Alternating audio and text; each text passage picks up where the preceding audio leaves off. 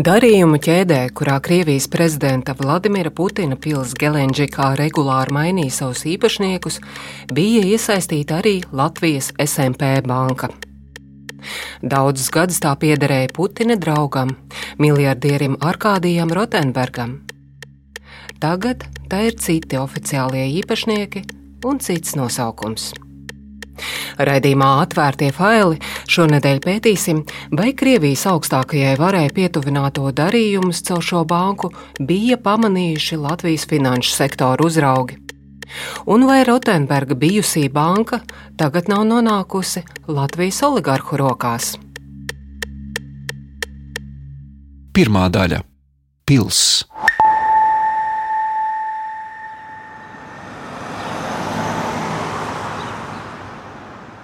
Industra nosaukums uz mūra ēkas sienas Rīgas centrā, Elizabetes ielā 57, vēsta, ka šajā adresē atrodas banka. Tā ir viena no mazākajām Latvijas bankām.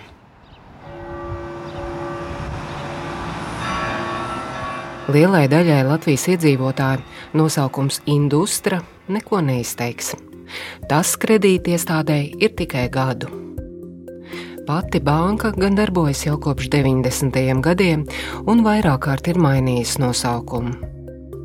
Pirms tam tā bija pazīstama ar nosaukumu Meridian Trade Bank, senāk kā SMP banka, bet vēl senāk Multibanka. Savulaik amerikāņi to apsūdzēja naudas atmazgāšanā, līdzīgi kā ABLV banku, taču atšķirībā no ABLV šī banka izdzīvoja. Nu pat tā atkal piesaistīs uzmanību ar notikumiem, kas vedina domāt par starpniecību naudas atmazgāšanā. Turklāt darījuma ķēdes galvgalī vīda Krievijas prezidentam Vladimiram Putinam pietuvinātas personas. Привет, это Навальный. И это расследование мы придумали еще, когда я находился в реанимации. Но... Sveiki, te Navaļnīs. Šo pētījumu izdomājām laikā, kad es vēl atrados reanimācijā, bet uzreiz norunājām, ka publiskosim to tikai tad, kad es būšu atgriezies mājās, Krievijā.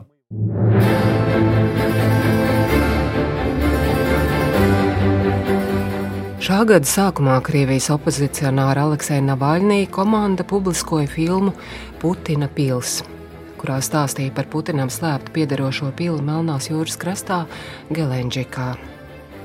Filma YouTube kanālā parādījās 19. janvārī, pāris dienas pēc tam, kad Navaļnijas atgriezās Krievijā no Vācijas, kur viņš atguvās no saindēšanas un tika apcietināts.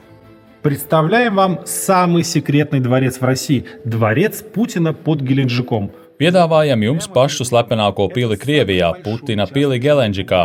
Te tā ir jūsu priekšā. Tā ir pati lielākā privātā dzīvojamā māja Krievijā. Ēkas oficiālā platība dokumentos ir 17,5 tūkstoši kvadrātmetri. To pat nav ar ko salīdzināt. Pašas graznākās ēkas Rubļovkā ir vairāk kārt mazākas. Tā ir jaunā Versaļa vai jaunā Ziemas pils, pa īstam cariska vieta. Filmā detalizēti izgaismota pils un citi īpašumi Gelenģikā. Pētīt to īpašnieku struktūru, finansējums un ar konkrētiem piemēriem raksturot īpašumu greznību. Savs kazino, teātris, hokeja halle un stienes striptīs dejotājai, dārgas mēbeles un zeltījumi. Protestēt pret Navaļniju arestu cilvēki izgāja ar toaletes birstēm rokās, jo tās vērtība Gelenģikas īpašumos ir 700 eiro. Pēc Navaļnija komandas aplēsēm pils līdzšinējās izmaksas pārsniegušas 1 miljārdu eiro. Taču būvniecība nav pabeigta, darbi nesot bijuši kvalitatīvi, ieviesies pelējums, kā rezultātā pīli nācies pārtaisīt. Īstā Putina pils nav tikai šī ēka, bet vēl arī 7800 hektāru zemes, gandrīz 300 hektāri vīna dārzu četrās dažādās vietās, vīna darītavas, austeru fermas un bezgalīga greznība. Īpašums pamatīgi apsargā, Gaisa telpā virs pils noteikts aizliegums lidot, arī no jūras puses īpašumiem nav iespējams pietuvoties. Kuģi un citi peldam līdzekļi tiek novirzīti divus kilometrus apkārt. Построено так, чтобы к нему нельзя было подобраться ни по земле, ни по морю, ни по воздуху.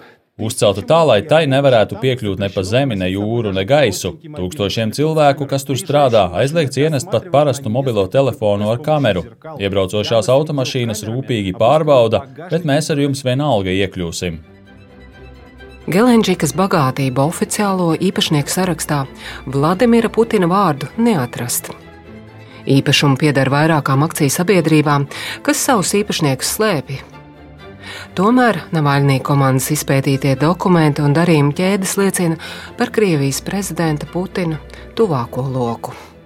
У нас есть tысячи банковских проводок, договоры, доверенности, регистрационные документы. Mums ir tūkstoši bankas pārskaitījumu, līgumu, pilnvarojumu, reģistrācijas dokumentu un būvniecībā nodarbināto stāstu.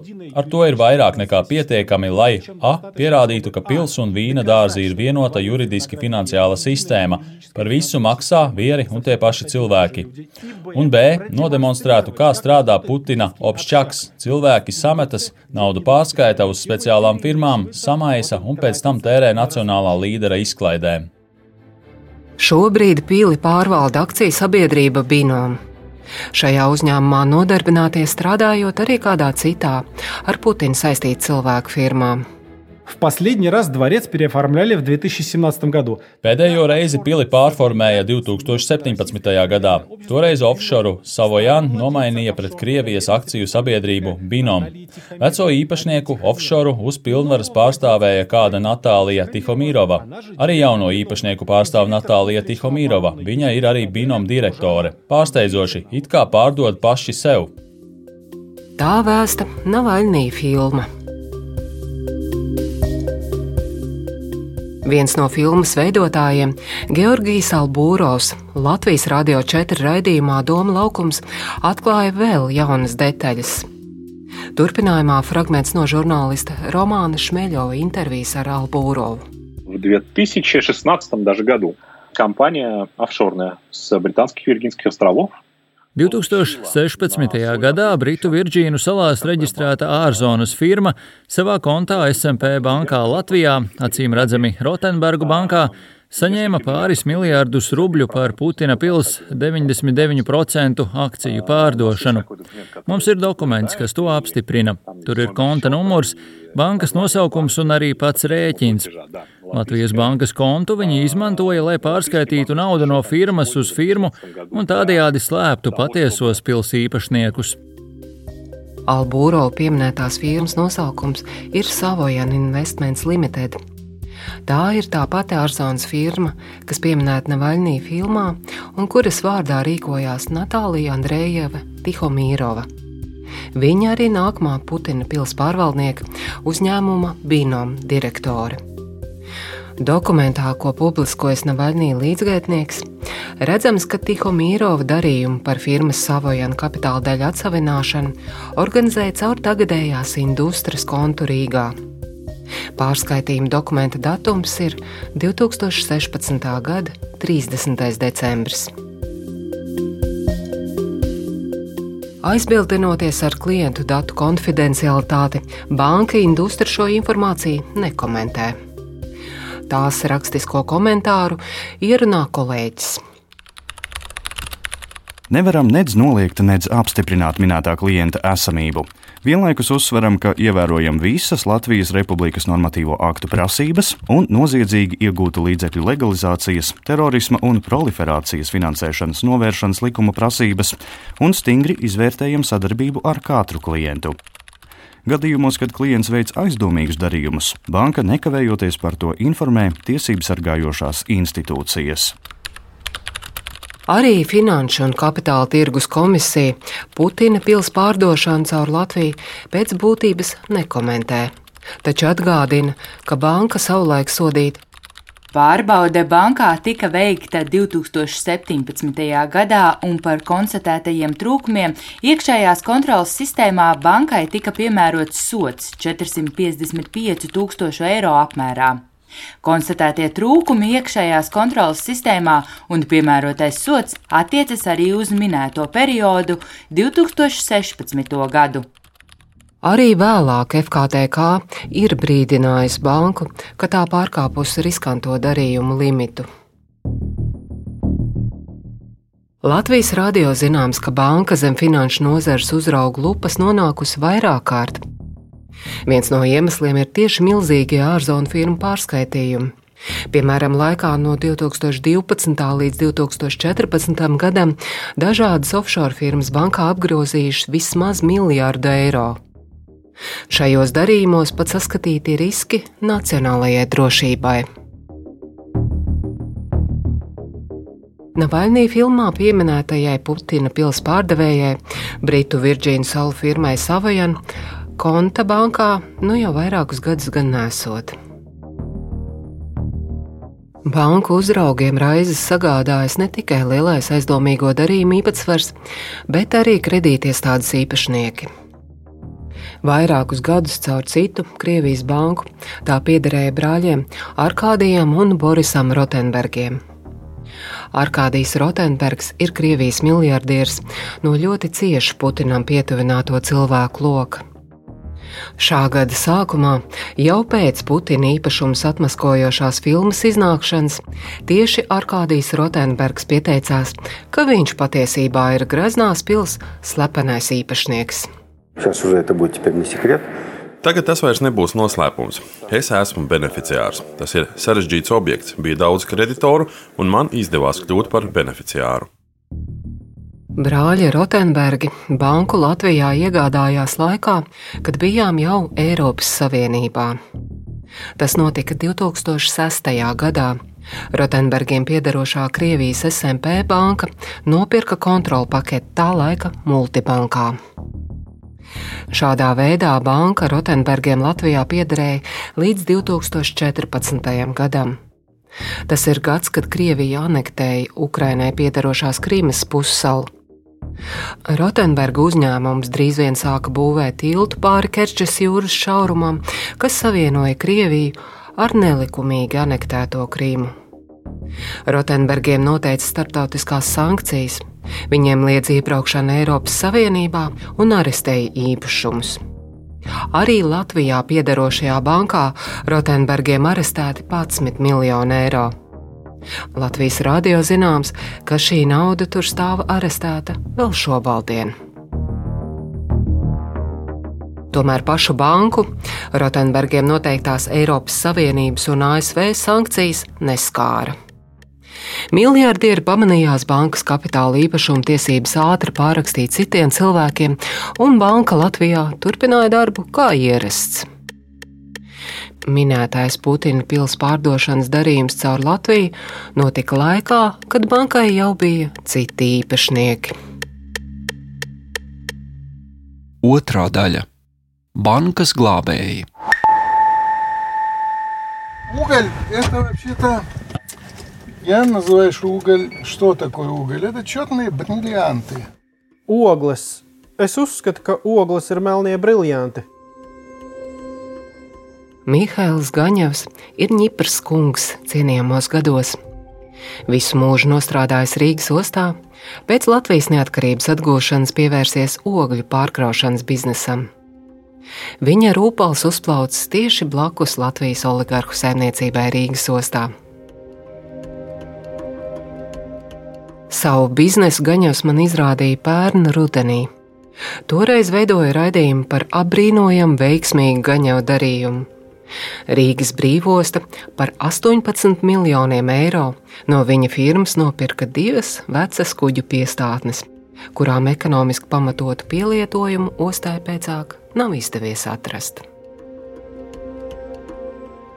Mihails Gaņevs bija starp tiem cilvēkiem, kas 2014. gada rudenī pēc Rotenberga aiziešanas no bankas kļuva par banķieri. Viņš iegādājās gandrīz trešdaļu kapitāla daļu. Vēl apmēram tikpat tieši un pastarpināti pārņēma bankas ilgadējā prezidente Svetlana Dzene. Abiem formāli piederēja vairākums Komercbankā laikā, kad notika pils pārdošanas darījums. Zvanu ostas uzņēmējam Gaņevam, lai šoreiz parunātu par bankas biznesu. Taču viņš stāsta, ka finanšu iestādes darbībā aktīvi nav iesaistījies. Arī filmu par Putina pili nav skatījies. Нет, я такие. Nē, man tādas nepatīk skatīties. Vai jūs zināt kaut ko par šo kompāniju, kas veids pārskaitījumus caur jums tobrīd piederošo banku? Ну, во-первых, вам принадлежащий банк это очень... Pirmkārt, jums piederošā banka, tas ir tā ļoti skaļi teikts, nekas man nepiederēja. Es centos palīdzēt glābt šo banku, lai cilvēki neciestu, lai banka dzīvotu. Tad es pēc Svetlanas dzenes lūguma centos viņai palīdzēt, bet es biju pasīvs investors. Es neesmu baņķieris, tas nebija mans uzdevums. Man nav ne mazākās jausmas, par ko jūs runājat. Kam jūs palīdzējāt? Svetlanai dzenēji vai varbūt kādam lielākam? Paboļša, ne, paboļšieks. Nevienu lielāku par Svetlānu dzeni nepazīstu. Vai Rotenbergus zināt? Nu, pa familijas slišal pēc uzvārda esmu dzirdējis, bet vispār viņi man ir tik tāli kā mēnesis no zemes, tā aptuveni. Vai viņiem jūs palīdzējāt? Vai tad ir iespējams ar rokā izstiepties no zemes līdz mēnesim? Saruna ar otru bankas tā brīža formālu lielāko īpašnieci un arī bijušo valdes priekšsēdētāju Svetlānu Zeni ir vēl īsāka. Raidījumam atvērtie faili gatavoja stāstu par ā, Putina pilsētas pārdošanu caur MTB Meridian Trade Bank. Tas ir tā. Es nestrādāju, es nestrādāju MTB bankas. Jā. Jā, bet jūs tobrīd bijāt bankas ā, akcionāra īpašniece, kad tas ā, darījums notika. Svetlana Dzene patiesi vairs nestrādā šajā bankā. Viņas karjerē punktu pielika kreditēšanas pārkāpumi. Banka bija izsniegusi lētus kredītus firmām, kas saistītas ar viņu pašu. Meridian Trade Bank iekritusi par pārkāpumiem, kas raksturīgi nelielām bankām. Proti, bankas vadība to iespējams izmantojusi arī kā kabatu, kur pasmelties lētu naudu citiem saviem projektiem. Pēc šo ziņu nākšanas gaismā banka ar Svetlānu Zenu vienojās par mierizlīgumu. Zena aizgāja no bankas, bet viņas akcijas pārņēma pati kredītiestāde. Bankai atkal mainījās īpašnieki, un par akcionāriem kļuva cilvēki, kuri gadiem ilgi strādājuši oligarhu Andris Čēles un Aināra Šlesera biznesā Rīgas ostā. Blakus Mihailam Gaņevam. Trešā daļa - Oligarhi un citi veiksminieki.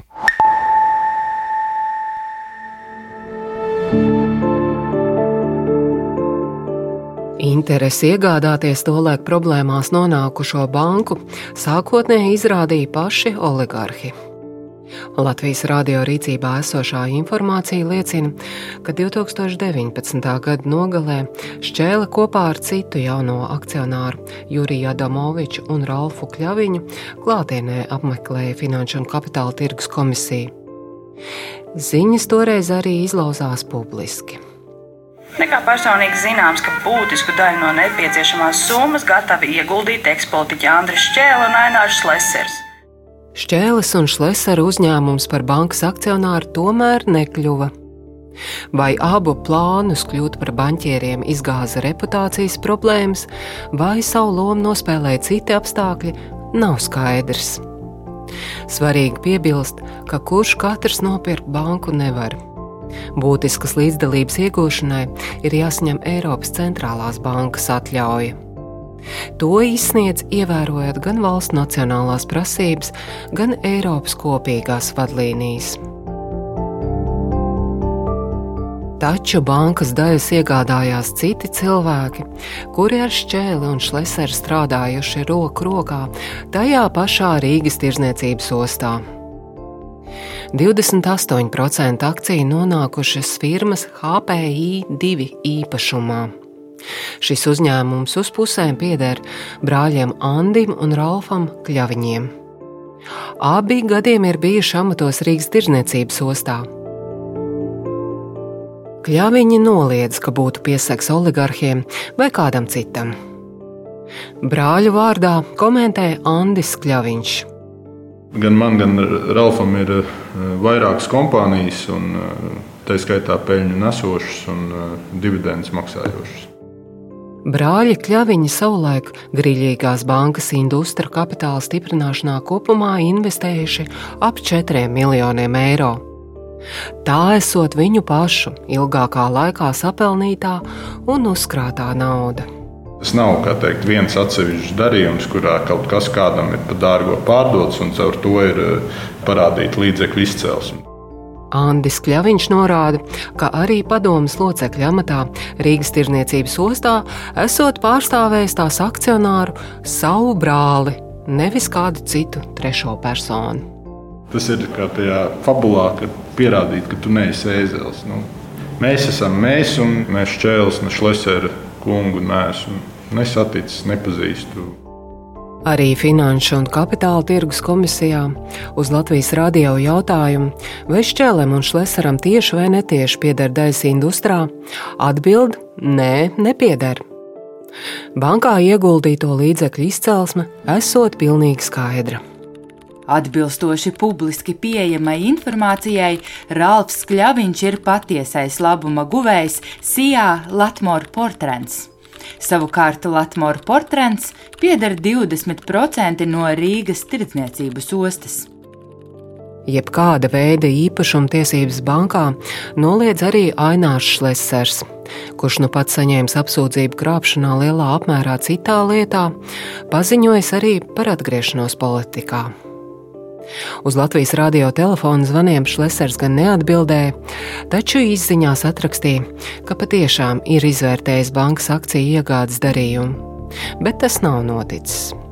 Šobrīd ar banku industri viņam nesot nekāda sakara, pat kontu tajā nesot ne pašam, ne ģimenes locekļiem, ne arī viņa uzņēmumiem. Ņemot vērā, ka pēc tā dēvētā finanšu tirgus kapitālā remonta klientu apkalpošanā ieviestas stingrākas prasības, vaicāju Šlesaram, vai viņa biznesam Latvijas bankās nav nācies saskarties ar kādām grūtībām. Un atbildi ir apstiprinoša. To ierunā kolēģis. Diviem uzņēmumiem ir nācies atvērt kontus Vācijā. Attiecībā uz Vāciju tur bankas labāk izprot tranzīta biznesu. Savukārt Andris Čēle uz Latvijas radio jautājumiem par bankas iegādi nereaģēja. Brāļi Kļaviņi nav vienīgie, kuriem laimējies kļūt par banķieriem. Bankas industra lielākais īpašnieks ar nepilniem 35% akciju ir Jurijs Adamovičs. Vēl pirms 15 gadiem viņš bija finanšu ministrijas ierēdnis. Adamoviča ceļš pretī banķieru statusam sākās ar bankrotējušās Pāreiks bankas slikto aktīvu pārvaldīšanu.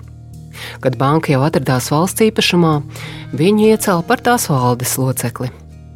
Acīm redzami, Pāreiks kļuva par vārtiem uz biznesu Krievijā, kur viņš vairākus gadus strādāja augsta līmeņa amatos kapitāla tirgū.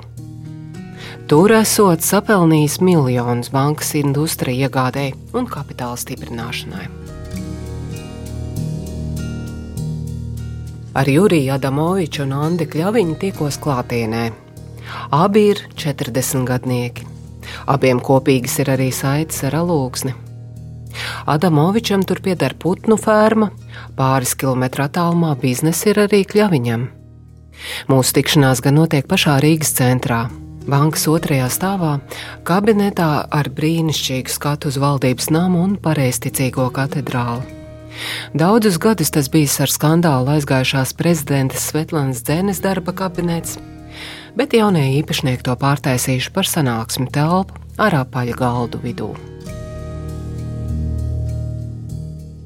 Tomēr intervijas ierakstam Jurijs Adamovičs ir pierunājums, un tā ir īsa. Viņš dievojas, ka visi reālie bankas īpašnieki ir publiski redzami bankas mājaslapā. Pirms tam ir rūpīgi veidīti gan paši akcionāri, gan līdzekļi, kas tiek ieguldīti bankā. Visi akcionāri, kas būtisko līdzdalību ir, eh, ir ieguvuši, attiecīgi ir izgājuši šo garo eh, saskaņošanas procedūru ar Finanšu kapitāla tirgus komisiju un Eiropas centrālo banku, kas tā skaitā paredz arī citu kompetentu iestāžu dzīves pārbaudes. Kopš Rotenbergu un Svetlānas Dzenes vadības laikiem banka esot būtiski mainījusies.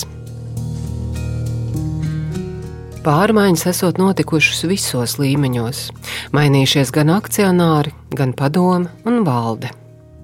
Arī gandrīz puse bankas darbinieku esat nomainīti. Jaunais padomas priekšsēdētājs Adamovičs iezīmē bankas nākotni. Turpmāk fokusā būšot korporatīvie klienti. Tā iekšēji, iekšēji komunicēt ar kolēģiem, mēs sevi teikt, apsaukājam par vietēju kapitālu banku vietējiem biznesam. Jo bankas akcionāru kodolu šodien veido vietējais izcelsmes kapitalisti, kuriem ir ārpus bankas intereses arī citās nozarēs. Industras mērķis esot apkalpot vietējo, mazo un vidējo biznesu, piedāvāšot arī kredītus. Ambīcija sasniegt milzīgu apgrozījumu un iekļūt Latvijas banku topā jaunajiem banķieriem nesot. Latvijas oligārhus šķērušas ar banku apkalposim? Mēs apkalposim tos klientus, kurus apkalpot ļauj spēkā esošie normatīvie akti Un mēs pilnīgi noteikti izvairīsimies no sadarbošanās ar tādiem klientiem un strādāšanu ar tādiem klientiem, kas pakļauj banku nevajadzīgiem reputācijas riskiem. Ceturtā daļa - pagātnes īpatnības. Šopavasar aprit gads, kopš Latvija izspruka no tā dēvētā monētāla pelēkā saraksta, jeb finanšu nozares neusticamo valstu listes. Tas nebija viegli.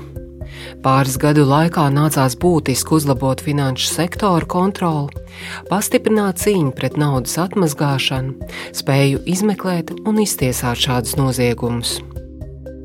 Finanšu izlūkošanas dienesta vadītāja Ilze Znotiņa Nabaļnī līdzgaitnieku publiskoto informāciju par Putina pils pārdošanu caur Latviju atturas komentēt.